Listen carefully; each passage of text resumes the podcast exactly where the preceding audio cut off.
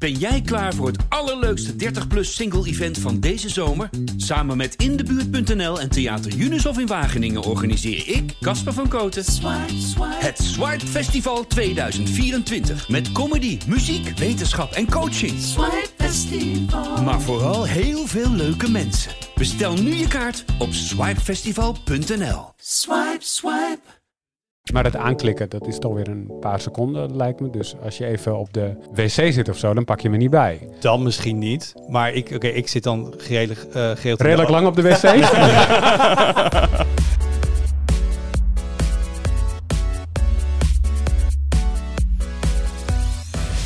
Hoi, leuk dat je luistert. Welkom bij de Tweakers Podcast, aflevering 253 alweer. We gaan richting de 256. Woehoe. Ja, ik, Ja, weet niet of, woehoe, ja, ik weet niet of we daar iets mee gaan doen verder, maar het is gewoon een tof getal. 256 past wel beter dan 250 voor ons. Dat is wel waar. Ja. Ja. Ik, eh, mijn naam is Arnoud. Ik zit vandaag in de podcast met Jurian Ubachs, Hey, hallo. met Jasper Jansen Hoi hoi. en met Wout Funnekotter. Ik ben er ook bij, hallo. En eh, ja, waar we het over gaan hebben, ligt, ligt een keer op tafel. Dat hebben we niet elke keer, Jasper. Maar jij kan het gewoon, en Jur ook, omhoog houden en je laten het wel zien. omhoog halen, anders zien die mensen thuis het niet. Precies, want er kijken, ook, er kijken mensen deze podcast op YouTube en dan kan je het nu zien. Dat zijn, eh, uit elkaar trekken en dan heeft u een grotere controle. dat zijn, dat zijn smartphone controllers. En eh, ja, ik, het is geen quizje die ik met de mensen hier kan doen. Maar eh, neem even thuis deze producten in je hoofd en gok dan wie bij Tweakers dat gaat reviewen. Het is niet wat je denkt dat het is. Het, het, het is niet Jurian, het is, eh, het, het is niet Friso of Donovan, die normaal onze smartphones doen. Het is zelfs niet Jasper, die zo'n ding gewoon heeft om zijn telefoon. Ook niet Donny, Daan of Jeroen die recentelijk game content hebben gemaakt. Allemaal ik niet. weet het, ik weet het, ik weet het. Wie blijft er dan nog Nou. over? Het is I, Leclerc. Oh nee, het was- Het is Wout, inderdaad. En eh, daar Maar er zit een heel logisch verhaal achter, dat komt zo. Oké, nou, een lekkere teaser. Maar we beginnen gewoon zoals altijd bij de highlights. En dan begin ik uiteraard bij Jur. Uiteraard. Uiteraard. Ik, eh, uiteraard. uiteraard, Nee, eh, ik, eh, mijn oog viel deze week op een, eh, op een tweet van eh 343 Industries. Dat is de, de, de studio die sinds jaar en dag het ontwikkelen van Halo games heeft overgenomen van Bungie. Bungie is natuurlijk voor zichzelf begonnen. Dus namens Microsoft maakt 343 eh, Halo games. En die vonden het nodig om op Twitter aan te kondigen dat ze dat ook blijven doen. Wij, wij blijven Halo games. Wij die altijd Halo games hebben gemaakt de laatste jaren, blijven Halo games maken. Nou, dat maakte bij mij een bepaalde There are no tanks in Baghdad eh, Ja. maakte dat los. Ik denk van, waarom, waar, of, of het bestuur van een voetbalclub die wij hebben heel veel vertrouwen in de trainer. Waardoor je Precies, moest ik zeker- denken. Vrijwel zeker weet dat die trainer daarna iets anders gaat doen. Maar eh, nee, dus dat was een beetje gek. Dan ga je toch een beetje rondkijken. Heeft natuurlijk te maken met eh, de 10.000 ontslagen die Microsoft heeft aangekondigd. Waarvan eh, volgens de geruchten in ieder geval ook een heel deel bij die studio zou zijn. Daarnaast is de, de persoon die verantwoordelijk is voor het ontwikkelen van de campagne... is eh, vertrokken of ontslagen, weet ik even niet zo, niet zo snel. Mhm. Ja, dan ga je toch ook een beetje nadenken van, van, van wat zou, stel, ze zeggen er is niets aan de hand, dus is er iets aan de hand. Wat zou er aan de hand kunnen zijn? Heel, heel, heel knap. Als ze nooit iets hadden getwitterd, ik had het er nooit over gehad.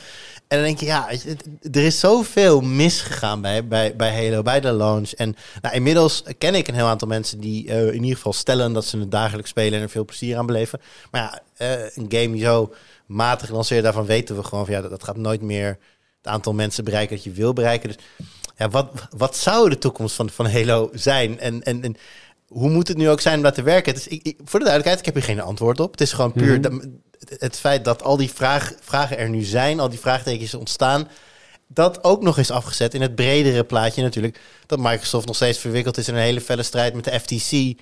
Als het gaat om de overname van Activision Blizzard. Waarbij Ja. ze daarover is de laatste update trouwens ook nog wel leuk. Ze hebben nu een heel eh, een, een- een dagvaarding bij Sony neergelegd. Waarbij ze om allerlei interne documenten van Sony eh, vragen. En daarbij zouden bijvoorbeeld ook interne planningen voor eh, game releases kunnen zijn. Want dat kan van belang zijn voor de concurrentiepositie van PlayStation. PlayStation claimt dat op het moment dat Call of Duty eigendom wordt van Microsoft, hun concurrentiepositie wordt eh, aangetast. En Microsoft, het is nu echt heel raar, Microsoft gaat nu dus proberen te bewijzen dat dat niet zo is. Door, door, door straks te zeggen, moet je kijken hoeveel ongelooflijk goede games er nog aan zitten te komen bij Sony van hun eigen studio's. waar, niemand nog iets, waar niemand nog iets van af weet. Dus dat, dus dat speelt ook nog eens. Mooi is Maar- dat. Maar er wa- even heel veel terug naar tweet. Waren er geruchten dat, want wat wel soms gebeurt als gewoon een studio een franchise verklooid. Of, of ze denken, nou, die zijn een beetje uitgespeeld. Dat dan een franchise naar een andere studio gaat. Zijn er überhaupt gerucht geweest dat 343 gewoon met die laatste Halo game van... Ja, jongens, dat is jullie laatste. Want dan is wel logisch dat ze zeggen... Ja, maar dat is helemaal niet waar. En wij blijven ze maken. Anders dan dat er inderdaad ontslagen vallen en dat die nou, toch wel vrij belangrijke persoon opgestapt is, zijn er geen concrete aanwijzingen dat Microsoft zou willen stoppen met eh, Halo games. Of in ieder geval Halo games door 343 Industries. Dus nee, daar is verder niks concreet. Maar het is meer een optelsom. Op het moment dat je weet dat een game het niet goed gedaan heeft, dat de, de weg naar de introductie heel, ja, heel rocky is geweest, heel, heel moeizaam is geweest, dat die game niet, ook gewoon financieel niet gedaan heeft wat ze ervan verwacht hadden. Het, het is wel Halo, hè? Het is, het is wel. Kijk, eh, eh, PlayStation heeft in ieder geval op dit moment de luxe dat ze heel wat vlaggenschepen naast elkaar hebben. Maar ja, bij, bij, bij Xbox is het toch echt wel Master Chief die daar voorop zou moeten lopen. Ja, dat is dus niet helemaal goed gelukt. Nou, dan deze, dan deze ontslagen er ook nog eens bovenop. Mhm. Dat, dat is wel een beetje. Het, het- je ziet de rook en dan ga je toch afvragen waar het vuurtje is. Was er trouwens ook niet een, s- een tv-serie van Halo die het niet zo heel goed gedaan heeft, niet Ja, zo goed klopt. ontvangen is? Ja, dat zijn, voor mij zijn er inmiddels wel meerdere geweest. Maar Nou, even terugspoelen. Wat ging er mis met die, wat ging er mis met die game? Ehm, het belangrijkste deel is dat er gewoon heel veel nog ontbrak toen hij, in de, toen hij uitkwam. Het was, het was heel kaal. Kijk, Halo, in ieder geval, dit is ook een klein beetje persoonlijk, maar Halo is voor mij de game die eh, een co-op campagne op de kaart heeft gezet. Mhm. Eh, Halo 2 kon je, in kon je coöperatief spelen en dat was nou ja, op dat moment voor mij in ieder geval echt een game changer. Ja, de, de nieuwe grote Halo game voor deze, eh, voor deze generatie die dan wordt gelanceerd zonder of, of ge- geïntroduceerd in de winkels wordt gelegd zonder dat de co-op mode al klaar is. Die kwam dan in de. Ik heb hem tot op heden zelfs nog niet eens gespeeld. Ik heb niet eens gecheckt of hij er überhaupt al is, maar hij zou in de zomer komen. Nooit op gelet meer verder. Ja, dat is niet, dat is niet hoe het moet gaan met je allergrootste, allerbelangrijkste. Nou, en ik kan me herinneren, toen natuurlijk de huidige generatie consoles uitkwam, dat Microsoft met de Series X moest laten zien wat wordt dan hè, de, de launch title, de killer title. Dat is de eerste beelden van deze hele laten zien. Ja, dat was dramatisch. En eerst was, nee, eerst was een soort van niet in-game trailer. Die zag er heel vet uit. Zag die, wow, wow, wow, wow. En toen kwamen de in-game beelden. Dus iedereen, wait, wait, what? ja. Is dit wat de Series X kan? En toen hebben ze ook een soort excuses bijna aangeboden bij FIFA En, 3. en Van, een game uitgesteld. we hebben niet het niveau gehad wat jullie willen halen. We gaan er een jaar langer aan werken. We gaan nog aan de graphics werken. Uiteindelijk wat er uitkwam, vond ik nou niet grafisch. Misschien tof om te spelen, maar grafisch dacht ik nou niet... Dit is echt een soort system seller. Nee, het was ook, het was oké. Eh, zeker ook in, in, in oogschouw nemend de kwaliteit van de beelden die we een jaar eerder hadden gezien. Ehm, maar nee, het is niet de, de, de wow-momenten die we in andere games op andere platformen, eh, zeker nu wat meer Unreal Engine 5 zien. Ja, is dit niet wat je, wat je wil zien? Dus al die dingetjes bij elkaar opgeteld, nou, zou best aanleiding kunnen zijn om te gaan twijfelen over de toekomst van de franchise bij deze studio.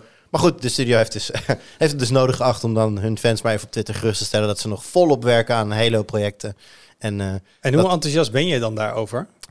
eh, ehm, Denk je, wow, ik kan niet wachten tot de volgende Halo game van 343. Of denk je, zit er een beetje momentum in die franchise? Voor mijn gevoel juist, dus niet. Nee, en dat is heel jammer, want ik vind nog steeds de, de, de, de Series X een heel erg fijne console. Er werken een aantal dingen op die console gewoon beter dan op een PlayStation 5. Mhm. Eh, dus ik, ik, ik vind het echt gewoon jammer dat de, de, de, ja, het portfolio, dat, dat, nou goed, dat hebben we vaker aangehaald, maar het portfolio dat een PlayStation heeft staan en dat, dat, dat Microsoft daarbij niet in de buurt komt, is gewoon heel jammer.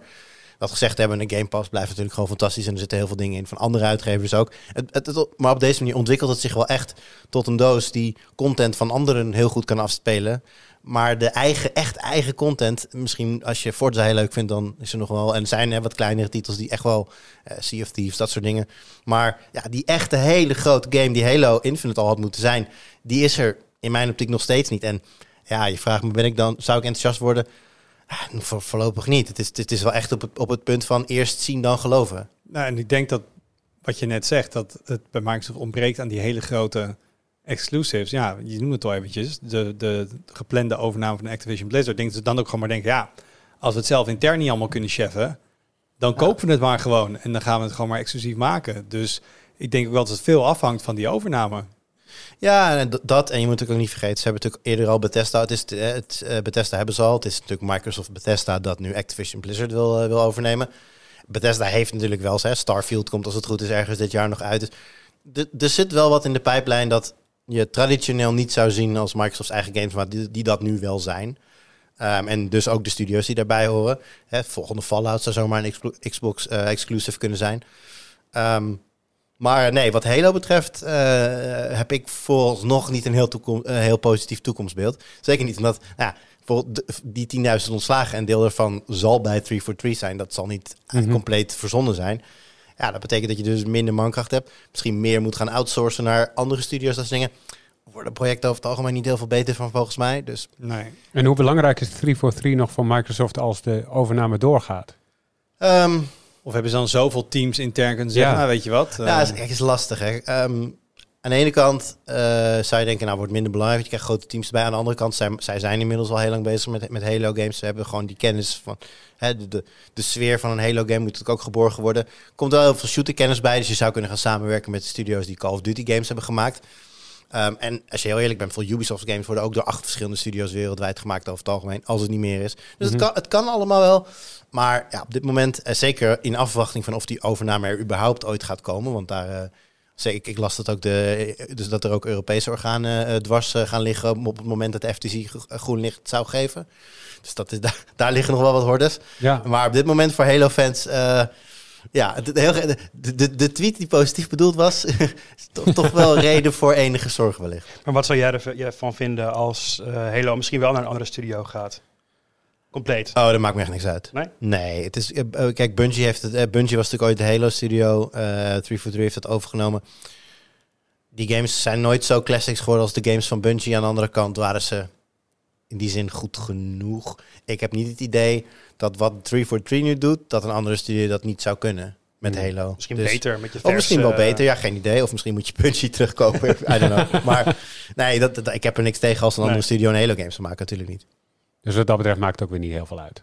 Eh, nee, maar goed, dat is allemaal koffiedik kijken. Voor nu eh, hoop ik dat het met 3 for 3 goed komt. Ik ben een heel gek zijspoor, maar je zei net van net dat die, die overname, of dat wel goed komt. En we hebben natuurlijk ook ehm, vorig jaar dat Nvidia ARM wilde overnemen, Ja. is afgeketst. Ik heb ergens wel het idee, en dat is puur op basis van deze twee en nul research, dus verbeter me vooral, dat er misschien tegenwoordig wat, wat meer hordes worden opgeworpen her en Ja. der in, in overheidsorganen. Je vergeet, en, je vergeet NXP. Die Ja. zou overgenomen worden door Qualcomm, Ja, dacht ik. zoiets. En dat is ook niet doorgegaan. Nee, terwijl voor vroeger, vroeger echt hele, ik bedoel, eh, eh, Meta, toen Facebook, die heeft gewoon alles kunnen opkopen. WhatsApp Ja. kopen, Instagram kopen, dat, dat kon allemaal prima. Dubbelklik door Google. Double-click door Google, dat is echt een hele groot ding waarvan ik me nu afvraag, zou dat tegenwoordig nog zo makkelijk gaan? Misschien uiteindelijk Nee. wel, maar nee hè? Nee. Ja, we zijn natuurlijk allemaal best wel huiverig geworden voor Big Tech. En Ja. het, de, de, het, het, het, het idee dat Big Tech misschien wel opengebroken moet gaan, of opgebroken moet gaan worden in kleinere stukjes.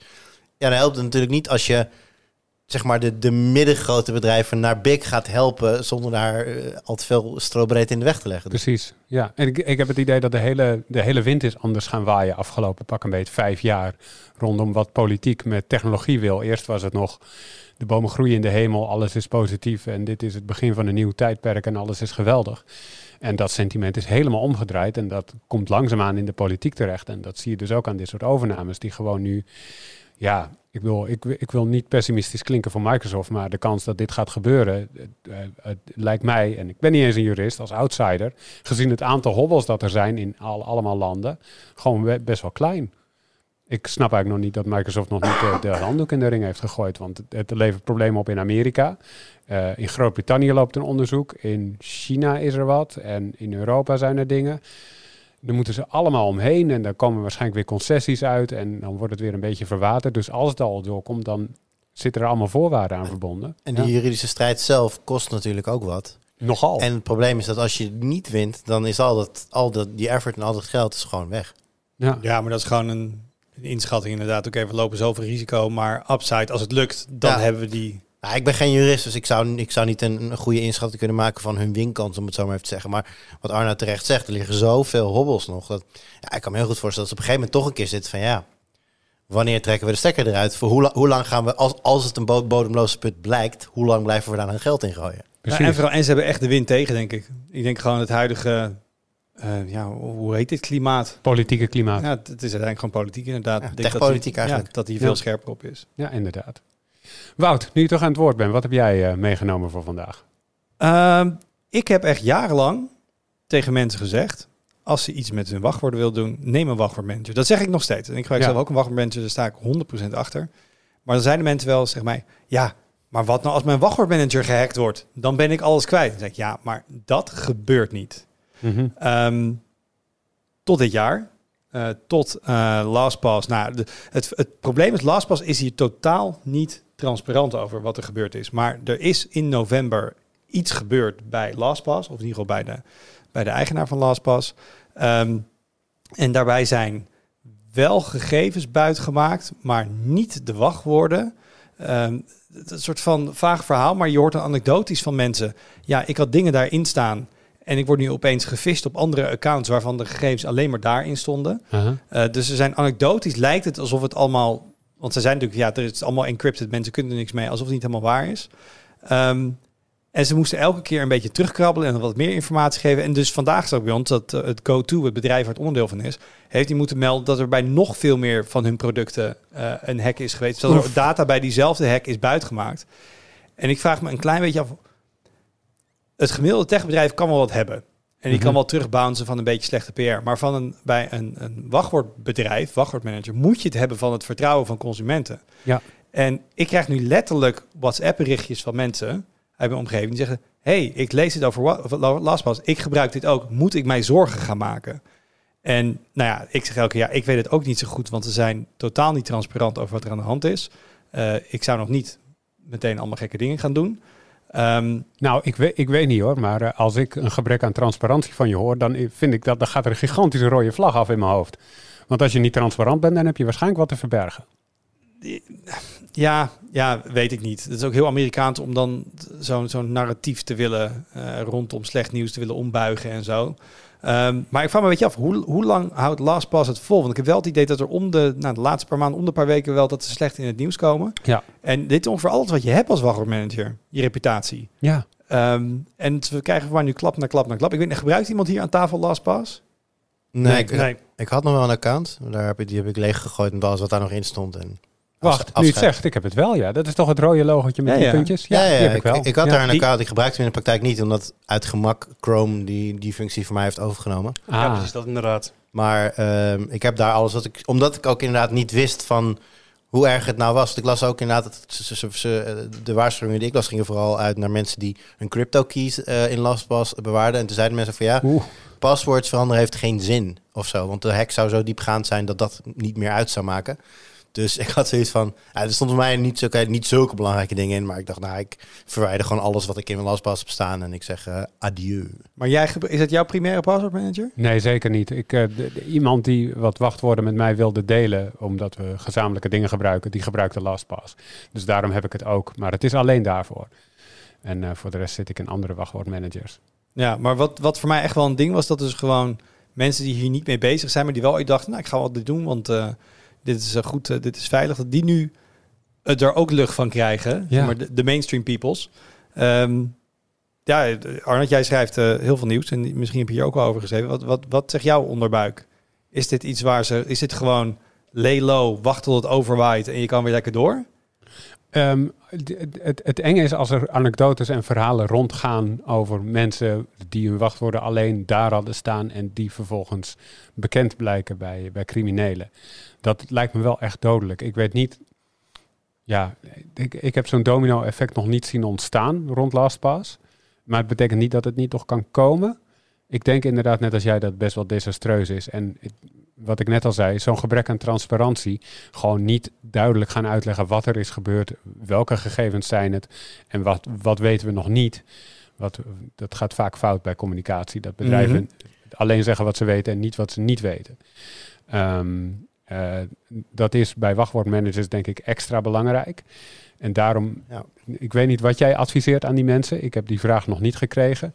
Nou ja, nu nog even. van, Ja, ik weet het ook niet goed. Ik hoop eigenlijk dat ze nog een keer met een echt een full disclosure komen. Want dit is er gebeurd, dit weten we zeker. Want kijk, soms na zo'n hack moet je ook gewoon even de balans opmaken. En dan moeten ze Ja. ook gewoon, halen ze vaak een externe partij erbij, die gaat een audit doen. Dus ik hoop dat er nog wel een punt komt waarop LastPass gewoon het boekje open doet. En zegt, dit is gebeurd, dit Ja. weten we wel, dit weten we niet. En of, ja, of dat komt, misschien is dat een beetje eh ijdele hoop. Ja. Maar dat zou ik wel netjes vinden om, om wederom dat vertrouwen terug te winnen. Maar als iemand nu vraagt, hey, ik moet een wachtwoordmanager, heb je nog tips? ja, dan is, heb ik voorheen echt wel mensen... Nou, LastPass wel groot bekend, goed bedrijf, ehm, doen. Wat zou je nu zeggen dan? Ja, mensen willen dit horen van je. Ehm, ja, dan moet ik... Vind ik, ik, ik heb daar niet uitgebreid research naar gedaan. Ik gebruik OnePassword. Ik vind dat Mhm. heel fijn. Eh, gewoon in, in, in, in de UX, hoe het werkt. Eh, naar ik weet, hebben zij nooit afgelopen dit soort schandalen tot nu toe gehad. Ja. Ehm, dan host je wel in de cloud. Maar dat zou ik dus tegen eh, ooms en tantes zeggen. Eh, voor tweakers die het vragen, ja, die zeggen dan vaak... ja, maar ik gebruik zo'n keypass of iets anders... waarbij ik zelf mijn vault kan beheren. Dus als je het helemaal veilig wil hebben... gebruik dan iets inderdaad met een local vault. Ja. Ehm, ja, ik, ik, het klinkt nu heel erg naïef dat ik zeg... ik had altijd het idee... ik vertrouw zo'n bedrijf wel met in de cloud hosten... want het is een hele business... is om niet gehackt te worden en veilig mijn shit te, te bewaren. Dus dat zullen, daar zullen ze wel goed op letten. Ja, dat hebben we nu met LastPass gezien... dat dat dan toch ook kan gebeuren. Ja. Ehm, dus ik heb nu niet het idee dat ik meteen naar een soort lokale opslag toe moet. Ik voel me nog wel veilig bij OnePassword. Dat, Mhm. dat er bij de een gebeurt, zegt helemaal niks over hoe dat bij een ander bedrijf gebeurt. Ehm, maar ik zou LastPass op dit moment niet meer aanraden. Nee, zeker niet. Ja. Nou, de, in de gaten houden dus en kijken wat er nu verder gaat gebeuren. Ja, daar. ik denk het beste wat ze kunnen doen is, nogmaals, is die openheid van zaken. En eh, Maar dat is het. Want nu, op dit moment gaan de meest wilde indianenverhalen rond van... ja, Ja, hè, wachtwoord aanpassen heeft al geen zin meer, want de, de, de, de hack zit dieper Ja. dan dat. Ze, kunnen, ze zouden de hele encryptie... eh, ik weet niet of het waar is, hè, dat, dit, maar dit soort dingen lees je nu. Van, ze, ze zouden de hele encryptiesleutel hebben, dus het maakt niet meer uit wat je daar vergrendelt. Ze kunnen er altijd bij. Nou ja, dat zou een regelrechte doodsveroordeling zijn voor heel LastPass. Want dan kun je Ja. dus de service niet meer gebruiken. Ja, is dat zo, ja of nee? En kijk, als het nou ja is, dan is het nog steeds in je eigen belang om daar zo snel mogelijk mee naar buiten te treden. Want hoe langer je dat verborgen houdt, als, als over enkele weken blijkt dat het inderdaad het zo diep zit, dat ze gewoon eigenlijk een hele encryptie moet, moeten weggooien en je komt er daarna nog eens een keer mee, ja, dan hoef je ook niet meer opnieuw te beginnen. Nee. Want dan Ja. gaat niemand, eh, vert- vertrouwen komt te voet, gaat te paard. Nou, dat paard is knijt het je hard aan weg aan het rennen. Ja. Hoe langer, je iets, hoe, hoe langer het stil blijft en onduidelijk blijft, ja, ik, ik denk heel eerlijk dat, die, ehm, dat dat paard al weg is en dat dat niet meer terugkomt. Ja, ze zeggen dat het nu inderdaad tot te laat is. Ja, Want en- stel ze zouden het nu herpakken, ja, hoe ga je het nu ooit nog vertrouwen? Kijk, dat is het. En het is, eh, het is lullig om te zeggen. Want eh LastPass, nou, ik had hetzelfde als wat Wout had. Gewoon wel gerenommeerd en, en te vertrouwen zou ik Ja. ingeschat hebben. De realiteit is dat dat vertrouwen nu ernstig geschaad is. En dat er gewoon prima alternatieven zijn. Dus ja, iemand die nu denkt van... Oké, nou ja, ik weet het niet. Ehm, ik ga uit voorzorg alles weghalen daar. Hoe groot is de kans dat die weer terug... Als nu LastPass straks toch nog zegt over twee weken... Het viel allemaal mee, dit en dit en dit is gebeurd. Maar nu is alles weer veilig. En je hebt inmiddels alles verhuisd naar OnePass... Of wat, wat, wat dan ook, eh, wat je zelf ook wil gebruiken. Ga je daarmee terug? Nee. Ik denk, denk Nee. ik niet. Nee. dus dit, dit, zijn, dit zijn bedrijven eh, die niet makkelijk een tweede kans krijgen. Want waarom zou je? Daarom is, is inderdaad de concurrentie te groot en is het vertrouwensaspect Ja. te groot. Ehm, dus ik had opgeschreven een briefje, hoe lang houdt LastPass het vol? Vraagteken. Ja, ik vraag me af of dit niet het begin van een soort langzame eh, decline is. Want als dus nogmaals mensen die dit nieuws niet volgen, nu al tegen mij zeggen, hey, ik hoorde iets hierover. Dan gaat het op een gegeven moment rondzingen. En dan denk ik, was, was, was. Nee, er was iets. met- Nee, ik weet niet wat het was, maar nee, dan ga ik het maar niet doen. Dat, Ja, dat, er was precies. iets. En er is keuze, dus Ja. je kan weg. Dat, Ja. precies Ja. dat. Dus, Ja, je, je bent er gewoon niet helemaal... Je bent er niet echt van afhankelijk ve- verder. Ja. Nou, ik, heb, ik vind trouwens echt heel lullig voor de mensen die er werken. hè, Want dit is waarschijnlijk... Tuurlijk. Zij zijn super bezig met security. Dat is eigenlijk waar het hele bedrijf om draait. Tuurlijk, er is ergens iets fout gegaan. Dat kan altijd. Maar dit zijn mensen die... Ja, ik bedoel, als dit, ik heb hun mission statement niet gezien. Maar bij dit soort bedrijven, onze missie is jouw data veilig halen, Ja. houden. Eh, dus ik denk dat heel veel mensen die er werken ook echt, echt hier heel, heel, heel, heel, heel zuur van zijn. Ja. Ehm, maar dat doet niets af aan het feit dat het vertrouwen wel weg is. ja. Ja. Jasper, heb jij iets vrolijkers meegenomen voor Ik- Ik heb inderdaad iets vrolijkers meegenomen. Eh, net bij de lunch had ik het met Arnoud over eh, een, een videogame die we, heb even opgezocht, eh 17 jaar geleden Oeh, kwam het uit, speelde. Eh, ja, heftig. stevig terugspoelen hier. Ja, heftig. En dat was Guitar Hero. Heb- Hebben jullie toevallig ook eh Nee, ik, ja, ik, ik was PC-boy, hè? Ik kan, je, ik kan jou vertellen dat way, way back when... eh, op de Tierkers-redactie... een Mhm. heuse... Nou, dat was meer rockband dan Guitar Hero, denk ik. Maar toen was er een, een, een heuse rockband band. Ja. Nice. Met uh, oud-gedienden als Daniel Kegel en Floris Diemel. Die waren daar volgens Ja. mij uh, vaste. En uh, ik denk Paul, die zal er ook wel vast wel in hebben gezeten. Ja, volgens mij ook, ja. Die, waren, die zaten in de, in de Tweakers Rock Band band. En dat Ja. was een, uh, godzijdank, in een afgesloten deel van het oude kantoor in Amersfoort. maar uh, die uh, waren daar druk aan het, uh, om dat weer terug, uh, trommelen terug te en brengen. het, uh, Zo, gitaar, ik, zo ik het ook leren kennen, eh, inderdaad. ja, ja. Want, want Guitar Hero was degene met de, de gitaar. Ja. En wa- waar zaten de trommels bij? Bij Rock Band. Bij Rock Band was er je ook bij. Guitar Hero. Bij World Later, Tour had later, je inderdaad later. ja. Die, daar begon ik dan uiteindelijk mee. Eh, had je het drumstel, eh, de bas, de gitaar en de microfoon inderdaad. Ja, gewoon een complete Ja, set. nee, Guitar Hero was er, was, was er natuurlijk ook eerder. Ja. Toen, Ja. dacht, toen dacht jij, hey, dat is een goed idee en dat verdient geld, gaan wij ook doen. En die kwamen dan toen met Rock Band met inderdaad ook een drumsetje erbij. En, eh, volgens mij had je dan twee gitaren, een bas en een normale gitaar, denk ik dan. Dat kan volgens mij wel, en, ja. en, ja. en, en dan apart nog een, een zanger. Dus die gooide eigenlijk Singstar Guitar Hero bij elkaar. En die hadden toen iets helemaal nieuws bedacht. En dan, en, dan, en dan klaag jij over de prijs van één PlayStation controller. dus kijk hoeveel extra inputapparatuur je dan moet kopen. Ja, nou, ik, ik, ik denk dat de Rock Band set goedkoper was dan 259 euro. Nu niet meer. Nu niet Je meer. gaat er net te kijken toevallig. En een losse gitaar ben je al een mooie 200 euro voor kwijt. Oh, echt? Ja. Het wordt- is best wel... eh, Oh, Maar, dat, ik- is- moet maar dat ik is een vintage, dat is een- kijken. Want dat is een eh, vintage gitaar dat is wel natuurlijk. echt een vintage plastic gitaartje. Ja. Ja. ik denk dat wij bij de laatste verhuizing van Tweakers eh, alles hebben weggedonderd. Oeh, oeh.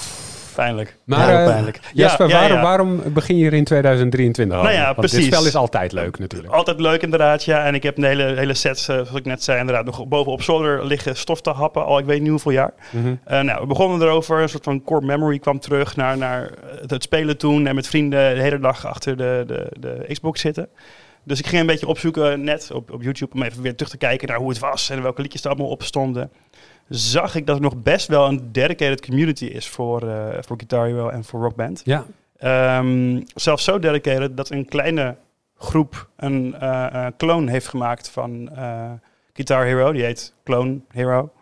Heel toepasselijk. Goeie naam. Die is een paar weken geleden uitgekomen. En die is voor Mac, Windows, maar ook voor Android. Lijkt precies op Guitar Hero. De, de eh, controllers van nou, die oude games werken er ook gewoon voor. Maar je kan ook gewoon je toetsenbord of wat dan ook gebruiken. Of je echte gitaar.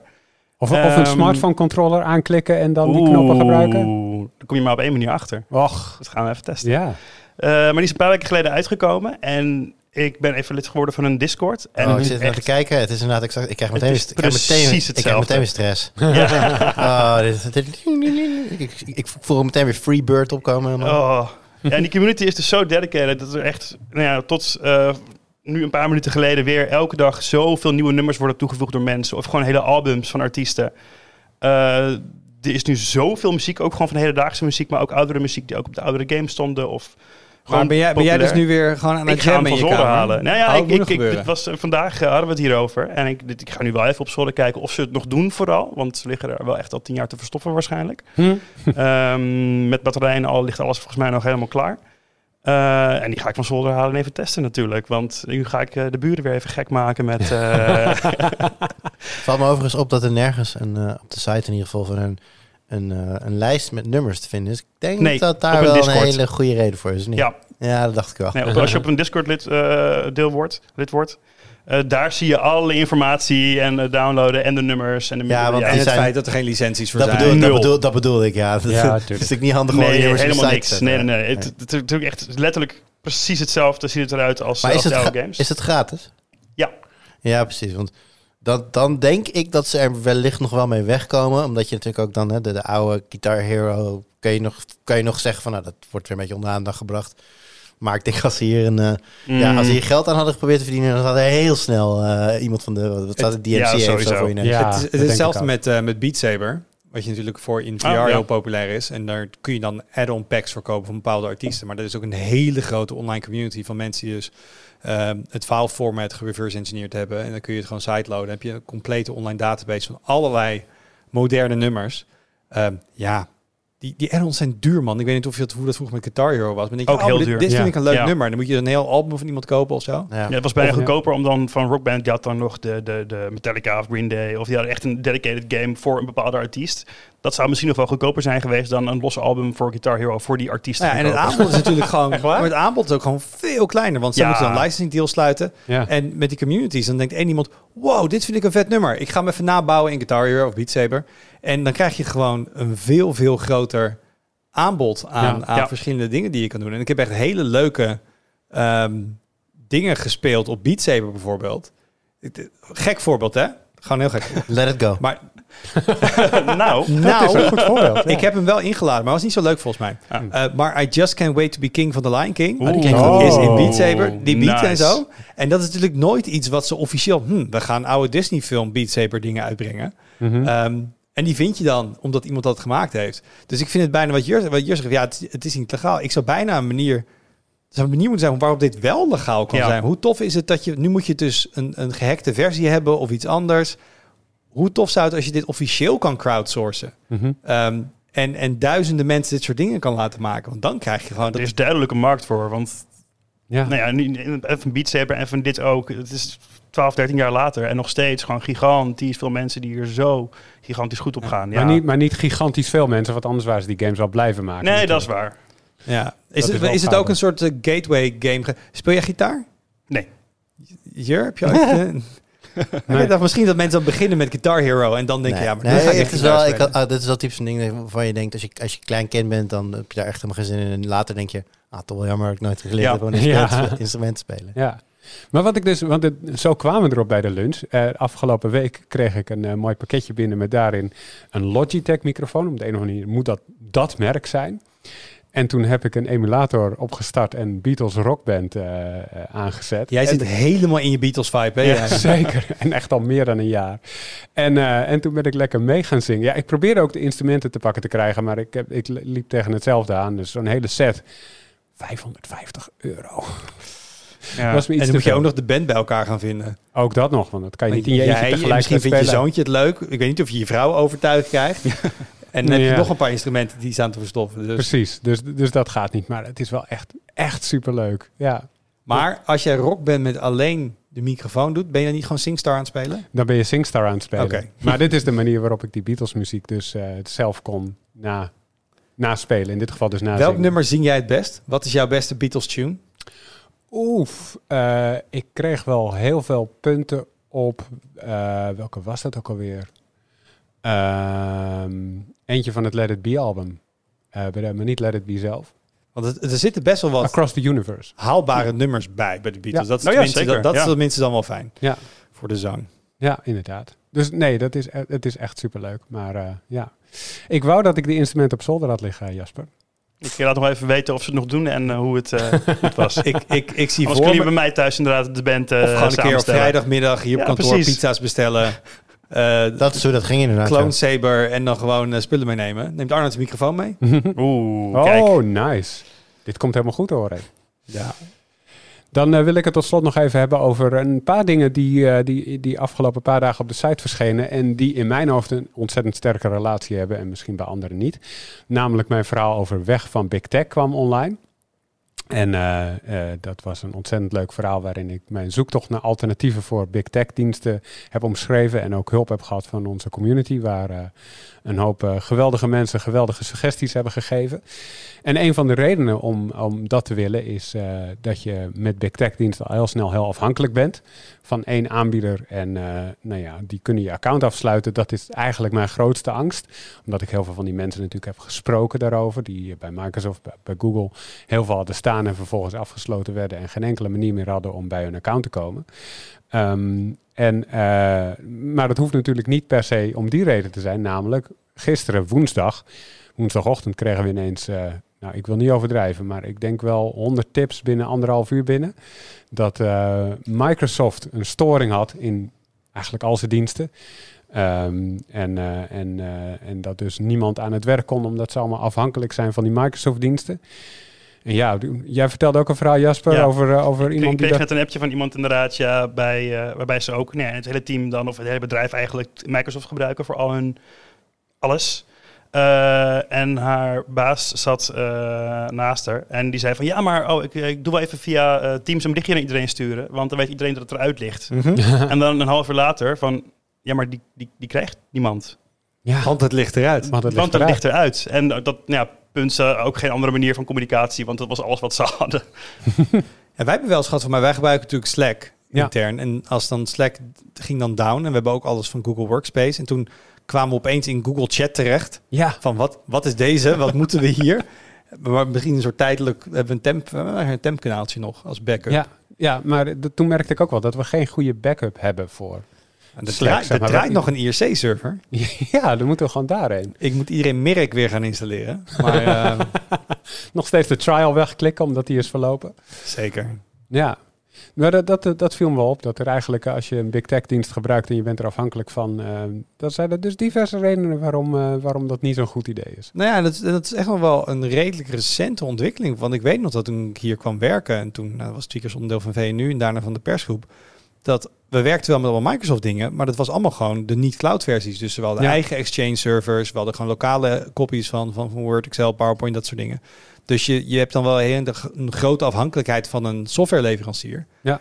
Maar je hebt je infrastructuur in je eigen handen. Ja. Ehm, en wij zijn dan met het bedrijf overgegaan op, op G Suite of nu Google Workspace. Ja, het is kies uit twee kwaden. Mhm. Heel veel andere zijn. Want volgens mij, als je nu. Of je werkt nu. Als, als je enigszins iets met remote en cloud doet. Of je werkt met een bedrijf dat is Microsoft-based. Mhm. Of het is Google-based. En dat zijn zo ongeveer je smaken. Wel de grote smaak inderdaad. Ja. Ja. Dus het is bizar in, in, in vijf tot tien jaar hoeveel afhankelijkheid we die kant op hebben gepusht. Met z'n allen over op Nextcloud Talk, Wout. Dat is de oplossing. Ja, ja, ja, ja. ja. op, eh, draaiend op een oude HTC-telefoon of zo. Ja. Ik heb er wel naar zitten kijken. Ik denk, ja, als, eh, als de chat-apps een keertje uitvallen, dan heb ik er gewoon een backup. eh, Ja, maar ik heb wel gelukkig heel veel chat. chat-apps. Want ik heb Telegram en WhatsApp en Signal en Precies. heb sms'en en Google Chat. En dat is denk ik, Google, wel. Google heeft dit voorzien. En ik, ja, we kunnen een chat-app-strategie maken met maar één app. Maar als die nou uitvalt, Uh-huh. daarom doet Google gewoon dat ze 33 manieren hebben om via het Google-netwerk met elkaar te praten. Dan Dat er is altijd de manier. beschikbaar. Ja. De manier.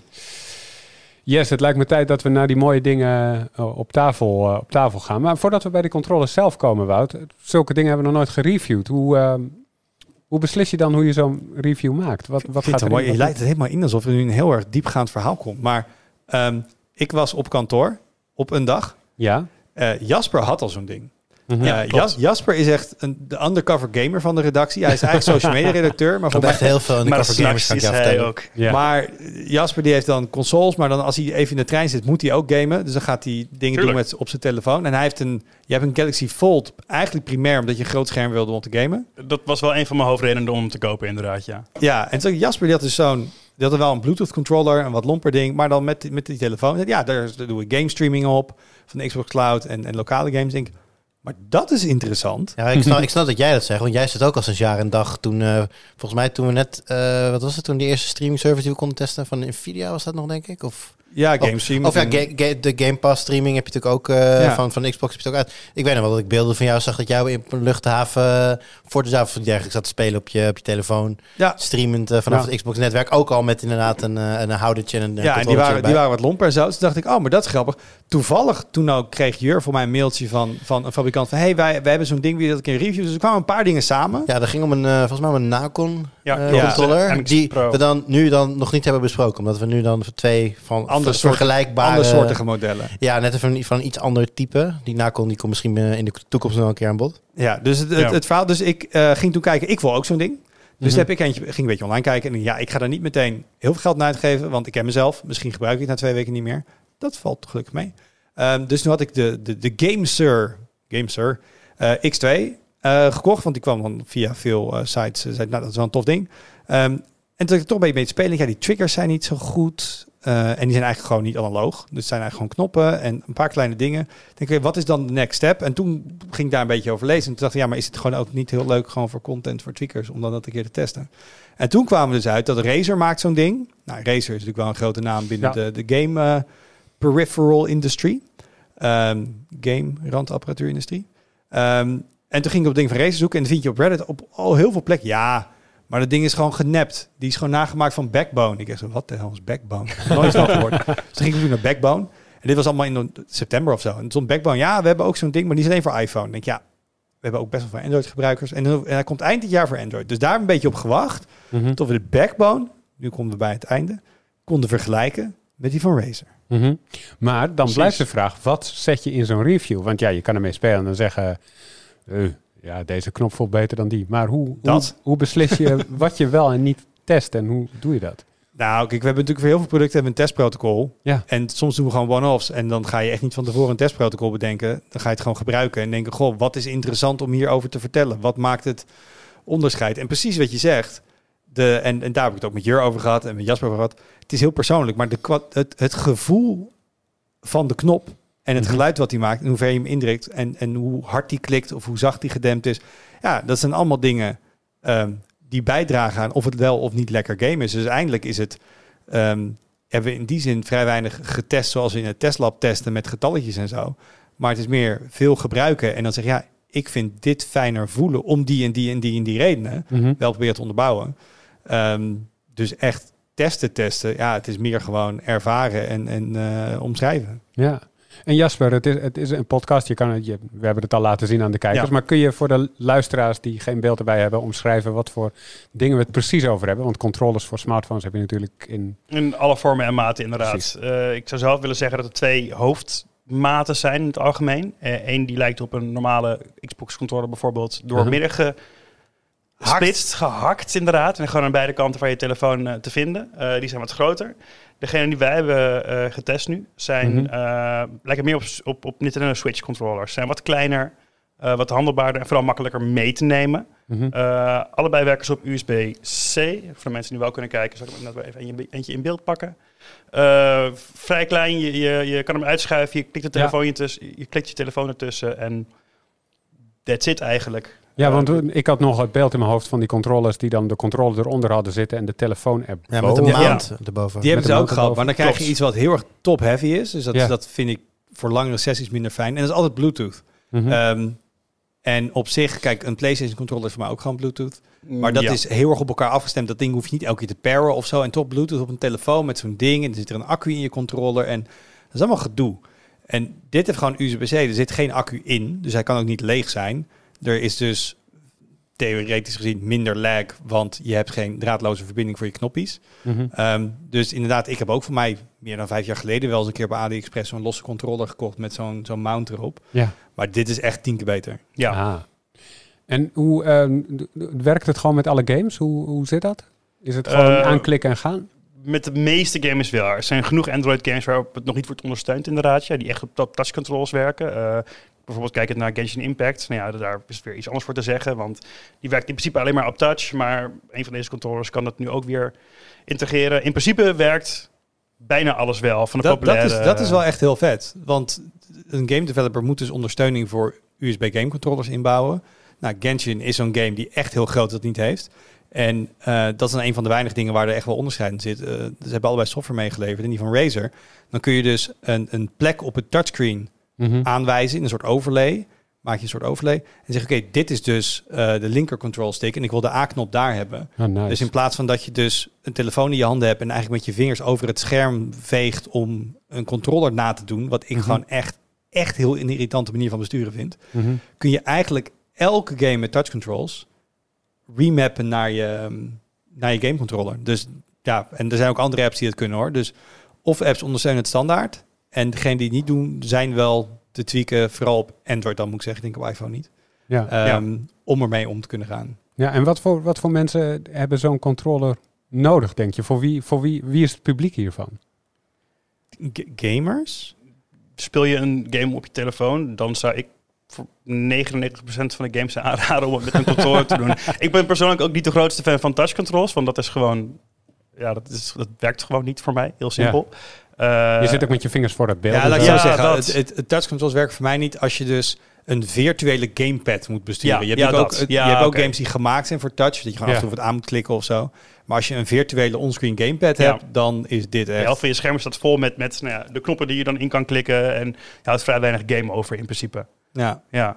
Dus voor dat soort mensen inderdaad, ja, persoonlijk, eh, ik had er inderdaad wel eentje zelf, maar goed, die werkte op, op Bluetooth dan, deze twee niet. Ehm, genoeg games die ik heb geïnstalleerd op mijn telefoon, maar ook gewoon Game Pass of Steam Link. eh, doe ik er zelf heel veel mee. En je hoeft niet zo extreem te gaan gamen om hem te kunnen gebruiken.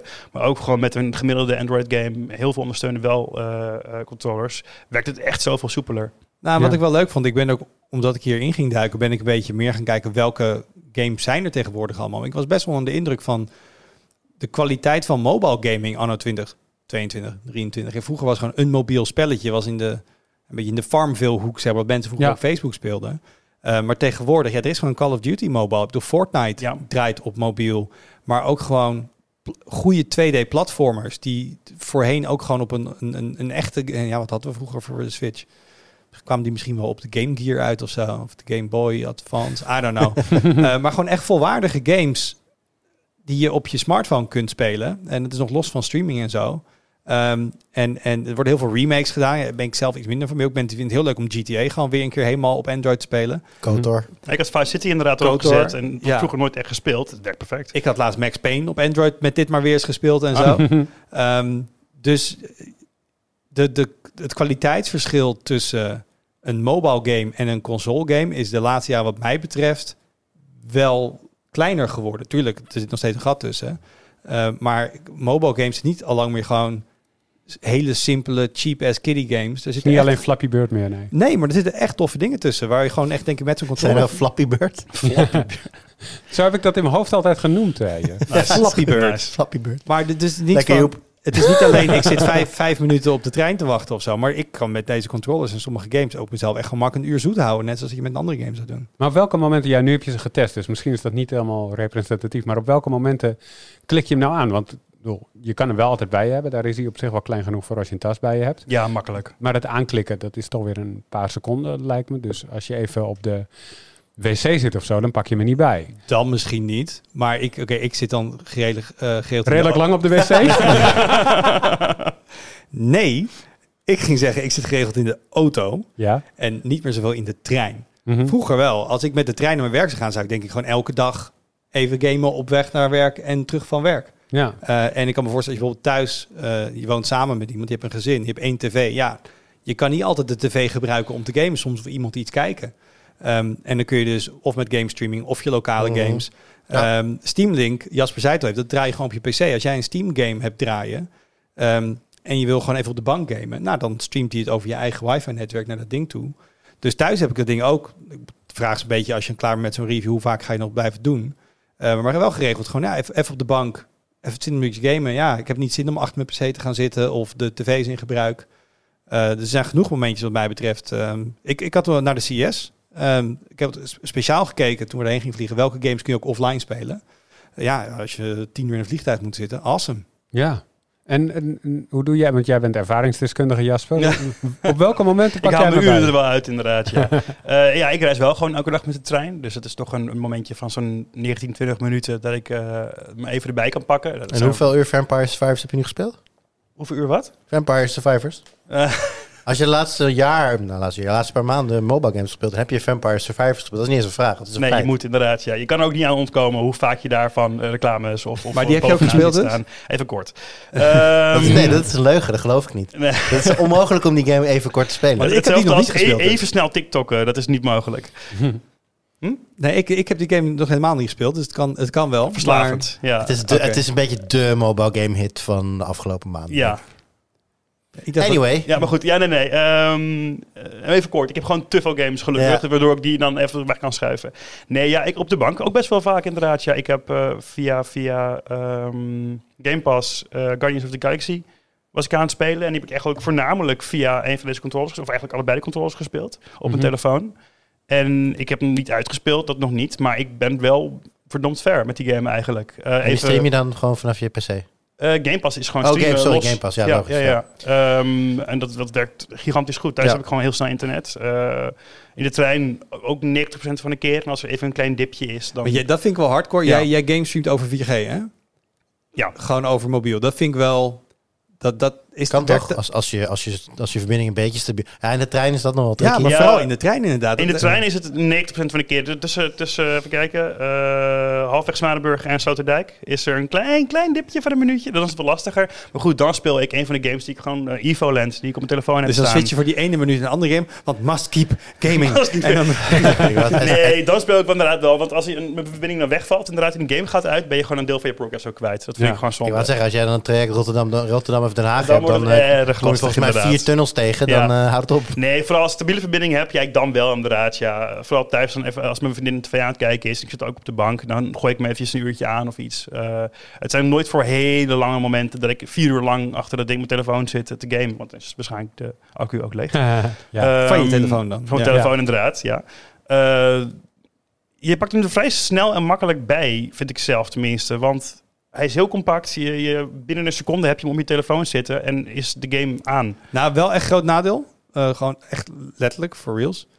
Dat hij met de meeste hoesjes past het niet. Ja. Dus ik Mhm. moet elke keer wel mijn hoesje van mijn telefoon halen. En dat is toch net even Net, net weer een extra stap. En Ja. Jur gaat nu met zijn telefoon. Misschien past hij er wel in, maar die USB past niet in. Hij- nee. Nee, hij past niet. Nee. Maar hij past vaak wel qua grootte. Alleen de USB-stekker is dan te kort. Kort, ja. En dan maakt hij dus geen verbinding. Dus als, je, als je zo'n siliconen hoesje hebt, dan werkt het vaak wel. Mhm. Ehm, dus, eh, maar weet je, we, we hebben hier nu voor de eerste keer eh, aandacht aan besteed. Trouwens, we nemen nu de podcast op. Dat komt pas volgende week online. Het is ook meteen een soort sneak peek. Ehm, Hele lange sneak peek. Hey, deze werkt niet met de Fairphone. Ik Serieus, Nee? niet, hij kan er niet bij. De, de, de af, zeg maar, hij is te dik. dik? Waardoor de... Ja, nee, En goed. die andere? Dit, dit maakt geweldige audio. Ja. Jur probeert nu zijn telefoon in, in dat ding te doen. Ja, ik probeer hem in de Razer Kishi probeer ik dus nu mijn Fairphone te doen, maar dat werkt gewoon niet. Oei. Maar oh, kijk, we, we gaan, we gaan dit gewoon live meemaken. Ja, dus nu gaan we even kijken of de Fairphone... Of het gewoon... Het ligt waarschijnlijk in de Fairphone. Nee, dit, je past Nee. erbij in. Oh, Oh, kijk. Nou, We Jur hebben, een, we hebben een duidelijke winnaar. Jur heeft een duidelijke winnaar voor hem. Nee, dus dat is wel... De, als ze daar nog iets op kunnen verzinnen, een USB-verleng stekkertje of zo, dat die gewoon... Nou, dan zit het ding niet meer strak, denk ik. Dan wordt dat Ja, te groot. Ja, als ik dan toch een beetje mag, mag zeuren, inderdaad. Doe dan even die USB aan de andere kant. Aan links, niet aan rechts. Ja, want voor jouw Galaxy Mijn luxe probleem, is- ik heb een Fold. dan past die niet. Maar als hij even omgedraaid zou zitten, is het perfect. Dan kan ik hem ook Ah. gebruiken. Nu moet ik een, een, een eh, controller met accu gebruiken. Ja, dat, dat is niet ideaal. Ik, tenminste, ik heb nog niet de perfecte gevonden. Dus Nee. Dus Ja. ik ben ook wel benieuwd of mensen het leuk vinden hoe dit eh, ontvangen gaat worden of de video en de tekst een beetje bekeken wordt. Want er zijn heel veel andere modellen. Dit is dan een beetje zo'n Switch-stijl ding. Maar Jasper zei, je hebt ook een soort Xbox-controller die gewoon door de helft gehakt is met echt grote grips. Eh, Mhm. Ook grotere thumbsticks. Eh, misschien ergonomisch wel wat fijner, maar lomper. Eh, dus we kunnen in de toekomst ook nog wel naar andere dingen kijken. Hangt een beetje als niemand dit leest en niemand reageert en iedereen zegt meh, ja, is het ook niet echt een moeite waard voor ons. Ja. om er verder in te duiken. Maar ehm, ja, ik, ik, ik heb, voor mij was wel een soort van inzicht of zo. Een soort van openbaring. Hoe vergelijkt hij met, eh, met eh, de, de controllers van consoles? Is het kwaliteitsverschil met knoppen en triggers en zo heel groot? Of valt dat mee? Nou, ik zou deze wel willen vergelijken dan met een Switch controller. Ik vind het oneerlijk om het te vergelijken met een normale... ja, ik, ik, ik, eh, Jur die switcht ook wel geregeld. En die zei van mij toen hij dit eerste keer vasthoudt. Hey, het is net een soort switch. Ehm, Ja, nou, dus- het, ja het is, het- ik vond ze in, in eerste instantie vooral heel vergelijkbaar. En dan bij eentje heb je, eh, als je dan daarop klikt, volgens mij is dat deze, dat je dat voelt als een muisklik. Ja, En dat- die Razer is dat. Of is dat die, is die andere, ja. Ja. Ja, dat is deze. En dat, dat was wel echt een turn-off. Toen dacht ik van, een, een, een, een actieknop op een controller hoort niet te voelen als een muisklik. Kijk, wat, wat natuurlijk gewoon een, een eh DualSense of zo heeft. Die, die- daar zitten echt hele goede thumbsticks op. Die zijn ook hoger, dus je kan er preciezer dingen mee doen. De triggers zijn langer, dus je kan je hebt, je hebt meer, meer travel op die dingen. Mhm. Je hebt haptische feedback. Ik bedoel, nee, dit kun je niet vergelijken met een Xbox of PlayStation controller. Dat is gewoon hoe het is. Eh, maar als je, als je me ergens mee wil vergelijken, ik denk met een Switch. Nou, het komt er wel een beetje bij, bij in de buurt. Ja, nou, daarom ben ik ook wel benieuwd, mochten we dit dan nog een keer gaan doen. Inderdaad, bijvoorbeeld die Nacon die we noemden. Dat lijkt wat meer op een Xbox controller die in twee is gehakt. En waar je dan een, een, een, eh, een telefoon tussen kan hangen. Nou, ik ben dan wel benieuwd hoe dat zich dan verhoudt tot de Xbox en PlayStation controllers. ja. Dus eh, jullie moeten allemaal, allemaal kijken en klikken als je het wil weten. Want dan gaan we, Dan gaan we er meer over maken. dit gaan we doen voor de mensen. En als de mensen het willen weten, dan eh, kunnen we naar kijken. Is dit een genre eh, producten voor jou, Jur? Nee, Dat dacht nee, ik al. totaal niet. Ik, ehm, ik heb de use case daar niet voor. Ik zit nooit in de trein. De enige keer dat ik, eh, het is wel eens, maar dan ga ik bijvoorbeeld naar een voetbalwedstrijd. Heb ik ook niet echt heel zin om dat ding mee te nemen. Het is alleen eh vliegtuig, maar als ik in het vliegtuig zit, heb ik mijn Steam Deck bij me. Mhm. En Steam Deck maakt dit hele ding overbodig. Dus Want er zijn geen mobile games die jij heel graag wil spelen. Dat Vampire je moet, wat je, je, moet net de tumble, je moet de Tumbleweed er zelf even bij denken. ja, maar die kan ik ook gewoon op Steam Deck spelen. Die staat ook gewoon in Steam. Ja. Nee, oké, dat is niet mobile only. Nee, dus het is, het is, het is een beetje... Ja, dat je, de, de- het meeste wat je op je telefoon kan spelen... kan je ook gewoon op je Steam Deck op een bepaalde manier wil spelen. Eh, daarvoor, had ik, nou, daarvoor was het Switch. Ik doe nu wel kiezen tussen ofwel mijn Switch... ofwel mijn Steam Deck mee. Ik ga ze niet allebei meeslepen over het Mhm. algemeen. Maar, je, hebt wel, je wel die momentjes, want hoe, hoeveel uur in de week zit jij op je Steam Deck? Dat, als dat jouw Oh, handheld eh, gemiddeld is. momenteel nul. Want het is alleen als ik bijvoorbeeld op vakantie of weekend weg of, of langer van huis dan dat mijn gameverslaving kan verdragen. en dat is, eh, dat is momenteel even niet, even niet zo, maar nou, ja, ik, ja, maanden in Indonesië weet ik eigenlijk nog niet of ik hem mee ga nemen, want dat, is- dat, dat, nee, dat voelt raar om mee te Het nemen. is Maar een heel duur en groot ding. Weet je wat klein en compact is als je een maand in Indonesië zit? ja, ja, ja, ja. Nee, nee, maar ik denk meer dat ik dan gewoon alles thuis laat en eh, ja, Helemaal wat- niet ga gamen. Een Nee. maand? Oeh. Niet gamen. Ja, ja. Afijn, waarschijnlijk zie je mij op een gegeven moment in Jakarta ronddenken. Ik moet een gamecafé. Waar is een gamecafé? Dit lijkt me een goed moment om eh, dit eh, onderwerp eh, af te sluiten en vooruit te kijken naar wat de komende week op de, op de site gebeurt. Ehm, eh, processors die veel stroom verbruiken, hot item, Wout. En er komt een verhaal aan van Thomas over hoe we dat allemaal wat zuiniger kunnen doen. Zeker. Toen ehm, eind vorig jaar de, de nieuwe generatie van AMD en Intel uitkwam, toen gingen ze allebei gewoon helemaal door het dak qua stroomverbruik. En volgens mij kwam er bij AMD al snel achter dat er een eco-modus in zat, die vrijwel even snel is en echt heel veel minder verbruikt. Maar ja, ze willen natuurlijk allebei eh, in de benchmarks en, en in de statistiekjes willen ze kunnen zeggen dat ze het snelste zijn.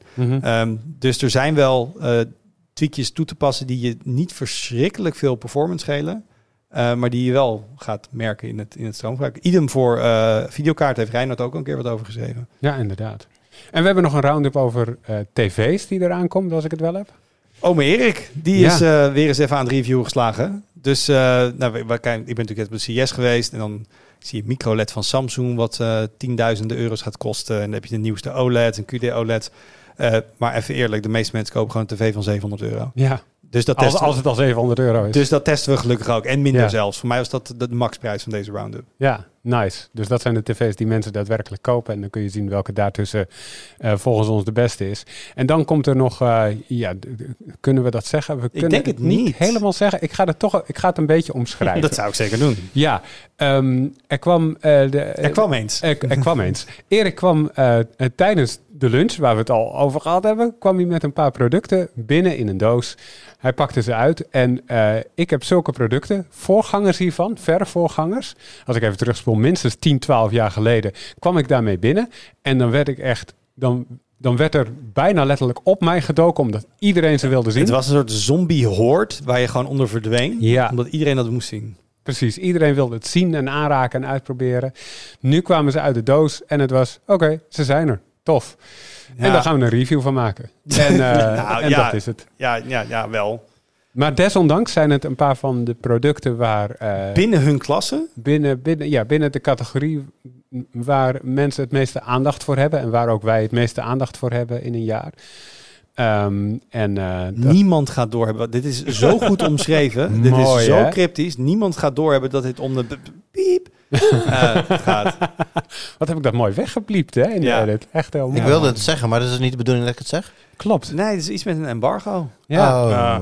ja. Maar ik kan wel zeggen, volgende week in deze podcast gaan we het er uitgebreid over hebben. Dus dan, ja. dan dat, zeker. Volgende week gaan we het uitgebreid hebben over die dingen toen Erik ermee langskwam, waar niemand ook maar naar omkeek omdat ze niet boeiend waren. Kijk, jullie het laatste trouwens ook heel veel Zuid-Koreaanse televisieseries, of niet? Nou, ja, ja, daar kunnen we nog even over doorgaan inderdaad. Dat is wel... Uh, ik ben ook, uh, ik vind dat we het jaar 2023 goed gestart zijn. is een mooi jaar. Wat zijn jullie een asshole soms, hè? Uh, maar ik ga hem afsluiten hier. Dank jullie wel, jongens. Uh, reacties uh, kunnen in onder de punt geek of naar podcast.tweakers.net. En tot volgende week. Doei!